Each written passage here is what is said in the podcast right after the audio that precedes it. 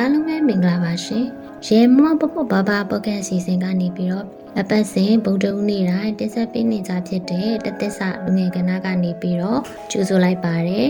ကျမကတော့အစီအစဉ်တင်ဆက်သူမက်လွန်ဝဝအောင်ပဲဖြစ်ပါတယ်ကျမကိုလည်းမှတ်မိနေလောက်ပြီးတော့ထင်ပါတယ်ဒီတပတ်ညီကိုမောင်နှမတွေအတွက်ရေးချယ်ထားတဲ့အကြောင်းအရာလေးကစစ်မှန်တဲ့အောင်မြင်မှုဆိုတာဆိုတဲ့အကြောင်းလေးကိုနင်းငယ်ပြောပြချင်ပါတယ်အောင်မြင်မှုဆိုတာဘာလဲ ကျမတို့လူငယ်တွေမှာလွဲမှားနေတဲ့အယူဆတစ်ခုရှိပါတယ်အဲ့ဒါကထင်ရှားကြော်ကြတဲ့ရုပ်ရှင်မင်းသားမင်းသမီးဖြစ်မှနာမည်ကြီးအဆိုတော်ဖြစ်မှဆယ်တန်းကိုဘာသာစုံဂုံတူးနဲ့အောင်မှအောင်မြင်မှုရမယ်လို့ထင်နေကြတာပါလူတွေရဲ့ချီးမွမ်းခံရမှအများရဲ့အတိမတ်အပြုခံရမှအောင်မြင်တယ်လို့ထင်နေကြတာပါစစ်မှန်တဲ့အောင်မြင်မှုဆိုတာအဲ့လိုမဟုတ်ဘူးဆိုတာကိုကျွန်မကဥမာလေးနဲ့ပြောပြပေးသွားမှာပါ မ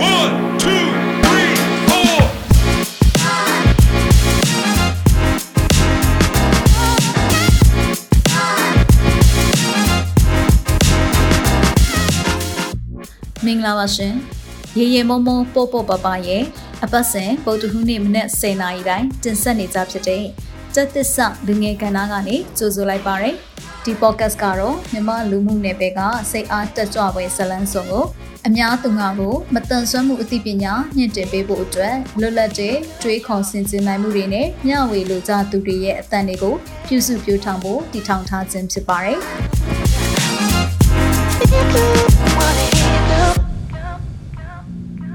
မြို့တစ်မြို့မှာမာရသွန်အပြီးပြိုင်ပွဲတစ်ခုကျင်းပနေပါတယ်။ပြိုင်ပွဲမှာအမျိုးသမီးတွေပဲပြိုင်ကြတာပါ။ပြိုင်ပွဲဝင်ပေါင်း90ကျော်ပါဝင်ရှင်ပြိုင်ကြပါတယ်။ သူတို့တွေကအမျိုးသမီးလေး၃ယောက်အကြောင်းကိုပြောပြချင်ပါတယ်။ပထမအမျိုးသမီးလေးရဲ့ရီမန်းချက်ကသူမနောက်ဆုံးပြိုင်ခဲ့တဲ့ပြိုင်ပွဲမှာရခဲ့တဲ့စံချိန်3နာရီ53မိနစ်ထက်မိနစ်အနည်းငယ်လျော့ပြီးတော့ပန်းဝင်နိုင်မှုပေါ့နော်။အဲဒီနေ့သူ့ရဲ့မှန်းထားတဲ့စံချိန်က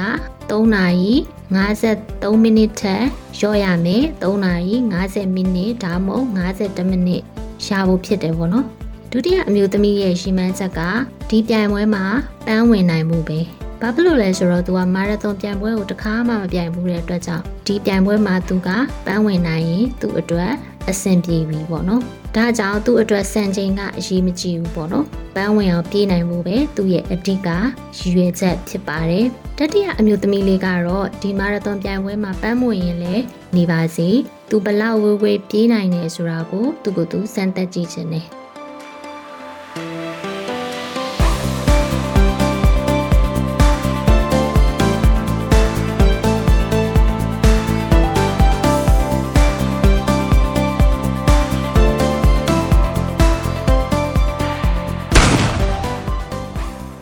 ဝင်တွေကဒိုင်လူကြီးကနေပြီးတော့တနက်ပြဖောက်လိုက်ပြီးတော့အချက်ပေးလိုက်တဲ့အချိန်မှာတာလွတ်တဲ့နေရာကနေပြီးတော့အလူအရက်စပြီးတော့ကြီးကြပါတယ်အချိန်ကြာလာတဲ့အခါလမ်းပေါ်မှာပြေးနေတဲ့သူတွေတဖြည်းဖြည်းနဲလာပါတယ်ဘာလို့လဲဆိုတော့ဆက်မပြေးနိုင်မင်းနဲ့လမ်းတစ်ဝက်မှာတင်အနားယူကုန်ကြလို့ပါစောစောကအမျိုးသမီးလေး၃ယောက်ကလည်းကြံနဲ့အယောက်20နဲ့ဆက်ပြီးတော့ပြေးနေခဲ့တယ် 3နာရီကျော်ကြာတဲ့အခါမှာပြိုင်ပွဲဝင်တယောက်ကဖဲကျိုးကိုသူ့ရှင်ဘက်နဲ့တိုက်ဖြတ်ပြီးပန်းဝင်သွားခဲ့တယ်။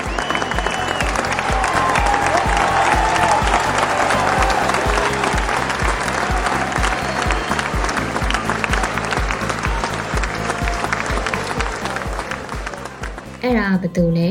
ခုနကအမျိုးသမီးလေး၃ယောက်ထဲကတယောက်မှမဟုတ်ပါဘူး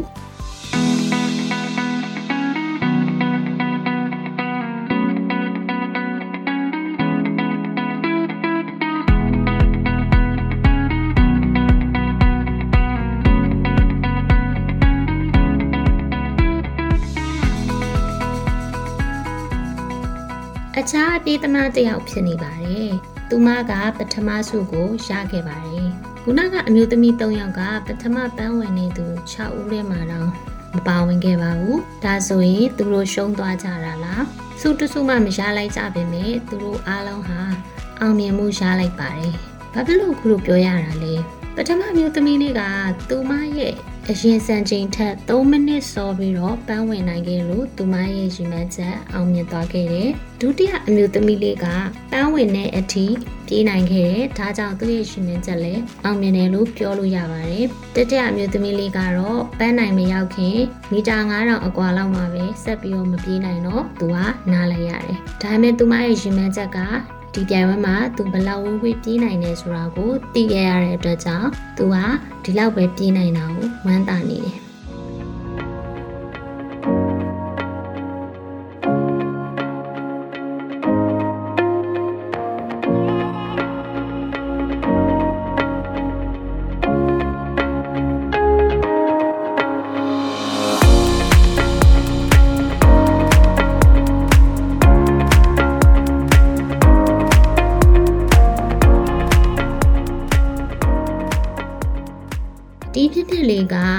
ဖော်ပြနေလဲဆိုတော့လူတိုင်းမှာရည်မှန်းချက်တွေရှိကြတယ်ရည်မှန်းချက်တွေကတယောက်နဲ့တယောက်မတူညီကြဘူးမိမိရည်မှန်းချက်ကိုပြီးမြောက်အောင်ဆောင်ရွက်နိုင်နေဆိုရင်အောင်မြင်တယ်လို့ပြောလို့ရပါတယ် ဇံမိုးဘဲမှာဂုံလူတွေနဲ့အောင်မြင်မှပထမအဆင့်ရမှချန်ပီယံဖြစ်မှလူတွေရဲ့ချီးကျူးခံရမှအောင်မြင်တယ်ဆိုတဲ့အတွေ့ကို စိတ်ထဲကဖျောက်ပြစ်လိုက်ပါအောင်မြင်မှုကိုအတိတ်ပဲမျိုးမျိုးဖွဲ့ကြရဲဆိုပေမဲ့ကျမဖတ်ပူတဲ့စာအုပ်တုပ်ထဲမှာတော့အောင်မြင်မှုဆိုတာဟာရီမတ်ချက်ပြီးမြောက်အောင်လှုပ်ဆောင်ခြင်းဖြစ်တယ်လို့ပြောထားပါတယ်ညီကိုမောင်နှမတို့ရောရီမတ်ချက်ပန်းတိုင်ထားရှိပါ အဲ့ဒီမှန်ချက်ကိုရအောင်ကြိုးစားပါရောက်ပြီဆိုရင်သင်ဟာအောင်မြင်တဲ့သူတစ်ယောက်ဖြစ်ပါပြီသင်ရဲ့အောင်မြင်မှုကိုလူအများကသိနေဖို့မလိုပါဘူးကိုယ့်ရဲ့စိတ်ထဲမှာသိနေပြီးတော့ကိုကနောက်ထပ်ရီမန်ချက်ပန်းနိုင်အသစ်တွေကိုချမှတ်ပြီးတော့စူးစမ်းနေဖို့ပဲလိုပါတယ်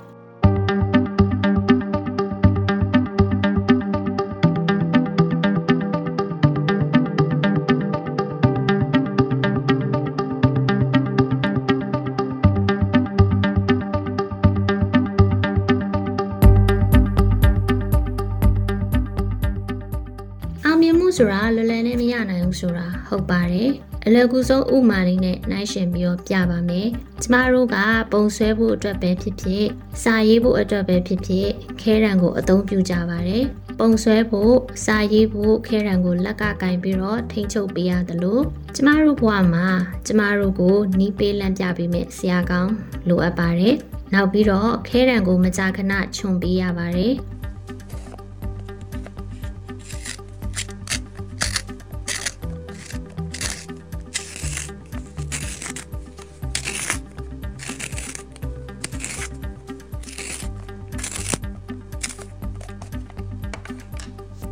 အဲ့လိုခြုံပေးရတဲ့အခါမှာခဲရန်နာကျင်ပင်မဲ့ခဲဆန်လေးကခြုံထက်လာပါတယ်အဲ့လိုပဲကျမတို့ကလည်းမိမိကိုယ်ကိုအနာခံလေးခြင်းပေးမှအရေးချင်းတွေတက်လာပြီးတော့ထူးချွန်အောင်မြင်တဲ့သူတစ်ယောက်ဖြစ်လာပါမယ်ခဲရန်မှာမှားတဲ့စာတွေကိုဖြတ်ဖို့အတွက်ခဲပြတ်ပါပါတယ်အမားလုံးမွေရင်ပြင်ပါအမားကနေသင်ခန်းစာယူပြီးတော့ဆက်ကြိုးစားပါဒါမှတော်တဲ့တော်တဲ့လူတစ်ယောက်ဖြစ်လာမှာပါစာရေးဖို့ခဲရံမှာအပြင်ကတစ်သားကအရေးမကြီးပါဘူးအထက်ကခဲဆန်ချောင်းကသာအဓိကကြပါတယ် ကျမတို့ရဲ့ပြင်ပပုံပန်းတဲ့ရုပ်ချောတာအရက်ပူတာအစရှိတာတွေကအရေးမကြီးပါဘူးအတွင်းစိတ်ကဖြူစဲတန့်ရှင်းပြီးစိတ်တက်ကြန့်ခိုင်ဖို့ကအရေးကြီးပါတယ်နောက်ပြီးတော့ခဲရန်လေးကစာရွက်ပေါ်မှာအမှတ်သားဖြစ်စေပါတယ်။လူဖြစ်လာတဲ့ဘဝမှာကျမတို့ကလူသားတွေအတွက်ကောင်းကျိုးပြုဆောင်ရွက်ခဲ့တဲ့အမှတ်ရစရာလေးတွေကိုမသေးခင်ခြံထားခဲ့ရပါမယ်။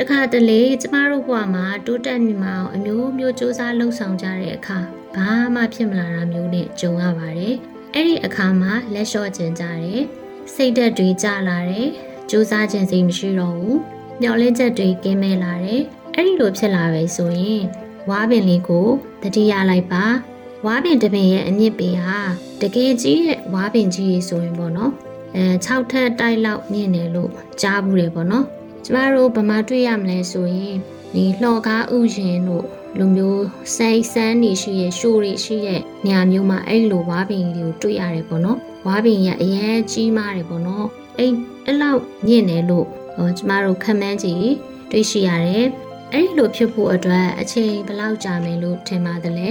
ဝါပင်တစ်ပင်ကိုမြေမှာစိုက်ပြီးတော့နေ့စဉ်မမှန်ရေလောင်းပြီးမယ်မြေရောစာလည်းမမှန်ကျွေးမယ် တနစ်ကြာလာပေမဲ့ဝါပင်လေးဟာတိတိတတ်တာကြီးထွားမလာဘူးနောက်တစ်နေ့ထပ်ပြီးတော့မြေအားစာတွေကျွေးတယ်ရေမမှန်လောင်းတယ်ဝါပင်လေးကကြီးထွားမလာပြန်ဘူးဒီလိုနဲ့တစ်နေ့ပြီးတစ်နေ့ရေဆက်လောင်းတယ်မြေဩစာကျွေးတာတွေကိုဆက်လုပ်နေခဲ့တယ်ဒါပေမဲ့လည်းဝါပင်လေးဟာတိတိတတ်တာကြီးထွားမလာခဲ့ပါဘူး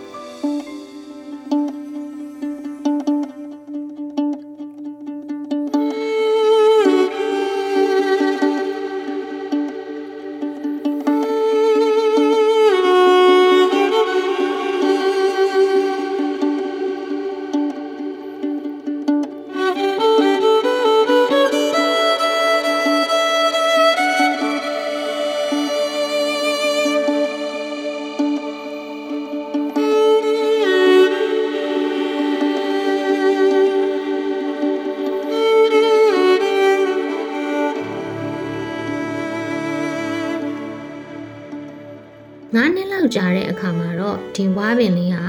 မိုးတိအောင်ထောင်တက်သွားခဲ့တယ်။ရက်သက်တစ်ပတ်6ပတ်အတွင်းမှာပေ60အထိမြင့်တက်သွားခဲ့တယ်။တကယ်လို့သာဒီဝါပင်လေးကို 9နှစ်အတွင်းမှာကျမတို့ကရေလောင်းတာလေးရက်ထားမယ်။မြေဩဇာကျွေးရလေးရက်ပစ်လိုက်မယ်ဆိုရင်ဒီဝါပင်လေးကညှိုးချောက်ပြီးတော့တည်သွားမှာပဲဖြစ်ပါတယ်ဗောနော်။အတားလေးကဘာကိုပြောချင်တာလဲဆိုတော့ခုနကတော့ကျမပြောခဲ့တယ်။ကျမတို့အောင်မြင်ဖို့အတွက်အရှိန်ယူရတယ်။အချိန်အခါကိုစောင့်ရတယ်ဆိုတာကိုဝါပင်လေးနဲ့ဥမာပြပြီးတော့ပြောချင်တာပါ။ ဘာကြောင့်သူကအလောက်တောင်အချိန်ကြီးကြာအောင်စောင့်ရတာလဲဆိုတော့ဒီဝါပင်ကထူးထူးထောင်ထောင်ဖြစ်ပြီးတော့9နှစ်ထိကြာအောင်စောင့်ရတာဘာဖြစ်လို့လဲဆိုတော့ဝါပင်ရဲ့အမြင့်တွေကမြေကြီးတဲ့အထိထိုးဆင်းပြီးတော့အမြင့်ခိုင်မာအောင်ခြေကုပ်ယူရတယ်တခါတရံမြေကြီးအမှရှိရဲ့ကြောက်ဆိုင်ကြောက်ခိုင်းတွေကိုလိုက်ရစ်ပတ်ချီနှောင်ရတယ်။ဒါကြောင့်ဝါတွင်တပင်ဖြစ်ဖို့အတွက်နှစ်တွေအများကြီးကြာလာတာပဲဖြစ်ပါတယ်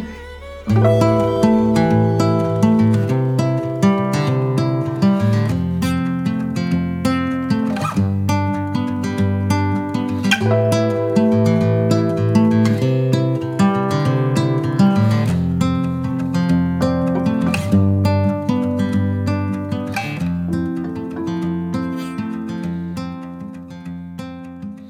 ဒီညမှာကျမရဲ့ဘဝနဲ့နှိုင်းဆင်ပြီးတော့တခုလေးပြောပြချင်တယ်။ကျမငယ်စဉ်ဘဝတုန်းကဆိုရင် ကျမရဲ့အဖေကကျမကိုစာရေးဆရာမတယောက်အရန်ဖြစ်စီခြင်းခဲ့ပါတယ်။ကျမကလည်းစာရေးတာကိုတိတ်ပြီးတော့ဝါသနာမပါဘူးပေါ့နော်။စာရေးတဲ့အလုပ်ကအရန်ခက်တယ်လို့ထင်တယ်ပေါ့နော်။ဒီစာဖတ်ဝါသနာပါအောင်လဲကျမရဲ့အဖေက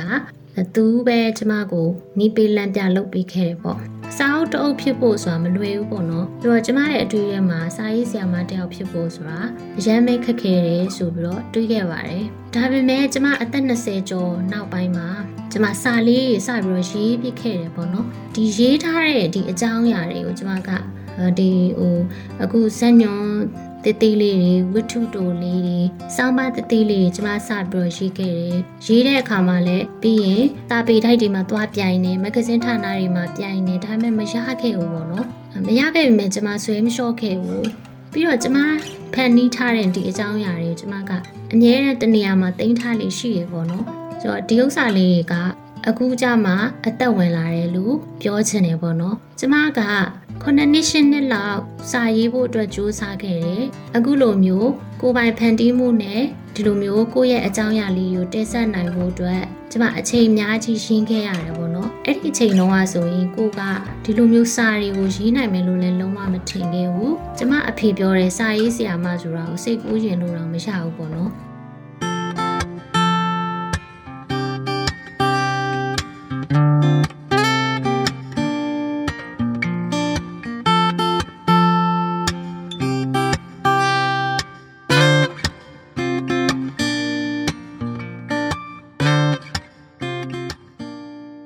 ခုချိန်မှာကျမကစာရေးဆရာမတယောက်မဖြစ်ပေမဲ့လည်းဒီကျမဘဝရဲ့စိတ်ပိုင်းတစ်ခုပေါ့အခုရောက်နေတဲ့နေရာမှာတော့ကိုယ့်အကူကျင့်တတ်တယ်ပြီးတော့ဒီအကြောင်းချင်းရလေးကိုကြည့်ပြီးတော့ကျမတို့ကတခုခုလိုချင်ရင်အောင်မြင်ချင်ရင်ကိုလုပ်တဲ့အလုပ်ကိုအရာထင်ချင်ရင်အချိန်ခါစောင့်ရတယ်ဆိုတာမျိုးကိုဒီဝါပင်လေးကိုဥမာပြုရင်းနဲ့ကျမရဲ့ဘွားကြောင်းလေးကိုဒီနေရာမှာနည်းနည်းထည့်ပြောပြချင်တာဖြစ်တယ် ပြီးတော့နောက်တစ်ခုကကျမအလေရန်ចောင်းသားဘဝတုန်းကပေါ့နော်ကျမတို့ကအလဲတန်းကျောင်းသားပြီးရင်အထက်တန်းကျောင်းကိုသွားရတယ်ပေါ့ဒီလိုအလဲတန်းကျောင်း၈တန်း ပြီးတဲ့အခါမှာ9တန်းကိုပြောင်းတဲ့ကာလမှာကျမဘဝမှာပေါ့နော်ဒီအပြောင်းလဲတစ်ခုပေါ့ကြုံရတယ်အဲ့ဒါကကြတော့ကျမက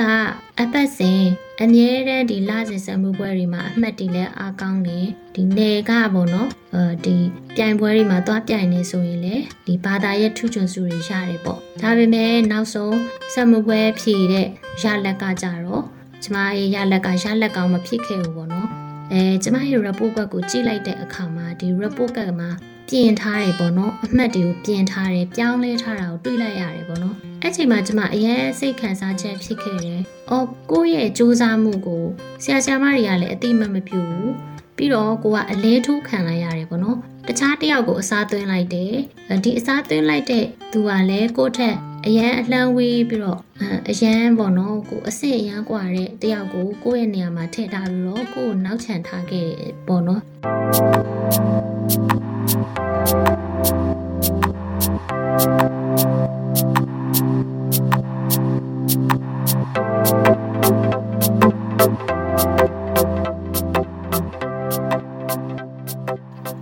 ဆိုတော့ဒီအကြောင်းချင်းရလေးကိုကြည့်ချင်အားဖြင့် ကျမ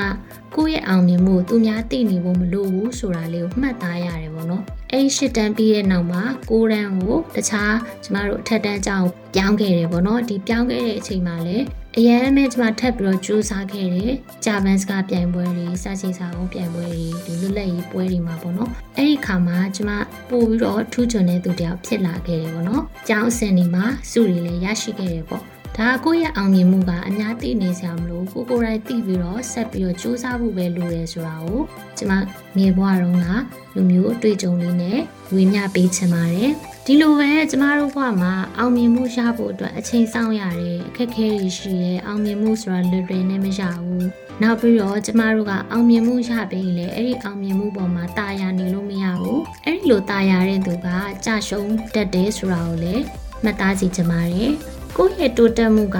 မမြင်ရပေမဲ့တကယ်တိုးတက်မှုရှိနေတယ်ဆိုတာကိုနားလည်ရမှာဖြစ်တယ်။တခါတည်းကြာရင်ခုနကကျမစာရေးခဲ့တယ်လို့ပဲပေါ့နော်။ကိုကကိုယ့်ရဲ့စာအရေးသားစာဖတ်အားဘလောက်ကောင်းတယ်ကိုယ့်ရဲ့ဖန်တီးမှုဘလောက်ကောင်းတယ်ဆိုတာကိုကိုကိုယ်တိုင်မသိပေမဲ့လို့တခြားသူတွေကသိနေမယ်။ပြီးတော့ကိုယ့်ရဲ့အောင်မြင်မှုက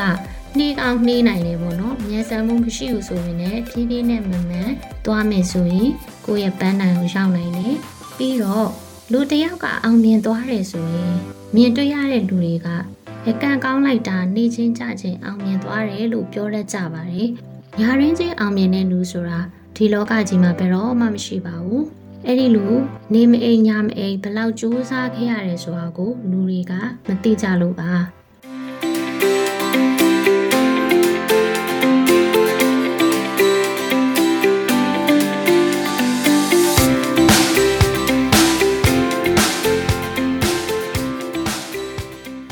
ဆိုတာစူးစမ်းအားထုတ်စရာမလိုပဲနဲ့ဟိုဥပမာပြောရမယ်ဆိုရင်ပေါ့နော်အစာအုပ်တစ်ခုတည်းဝင်သွားရင်ဓလီကားစီပြီးတော့အပေါ်ရအောင်တက်သွားတာဘာမှကျမတို့အားစိုက်ထုတ်စရာမလိုဘူးပေါ့အောင်မြင်မှုကအဲ့လိုမျိုးမဟုတ်ပါဘူးလေကားတက်လို့တဆင်ချင်းနေပြီးတော့အပေါ်ရောက်အောင်တက်သွားရတာမျိုးပါ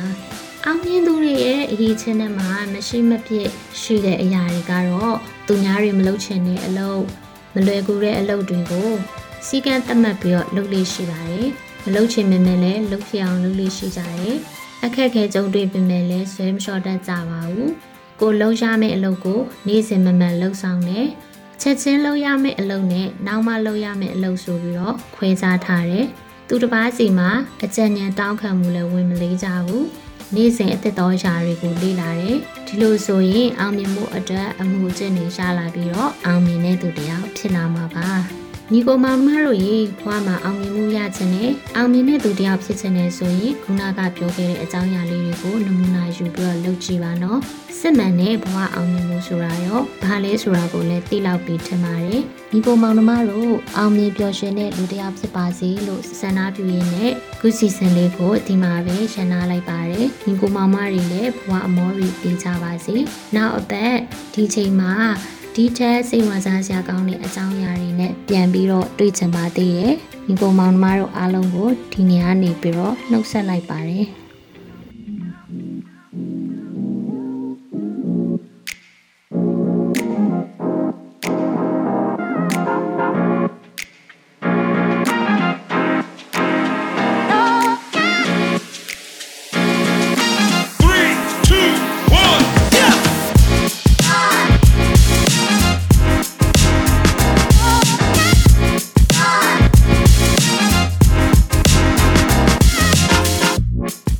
ကျမတို့ရဲ့ရေရေမောမောပေါပေါပပပေါ့ကတ်အစီအစဉ်မှာအလုတ်တင်အဖြစ်ဖန်တီးမှုမျိုးစုံကိုလက်စွမ်းပြလှုပ်ဆောင်ဖို့စိတ်ပါဝင်စားသူများအနေနဲ့ Google Form ကနေပြီးတော့မှမိမိတို့ရဲ့မှတ်ပုံတင်ရှင်းနှောင်းနဲ့အလှတက်ပုံတစ်ပုံအပြင်နမူနာလက်ရာတစ်ခုနဲ့အတူအမြင့်ဆုံးရှောက်ထားဖို့ဖိတ်ခေါ်လိုက်ပါတယ်။နောက်ပတ်ဗုဒ္ဓဟူးနေ့မနက်7:00နာရီမှာပြန်ဆောင်ကြရအောင်နော်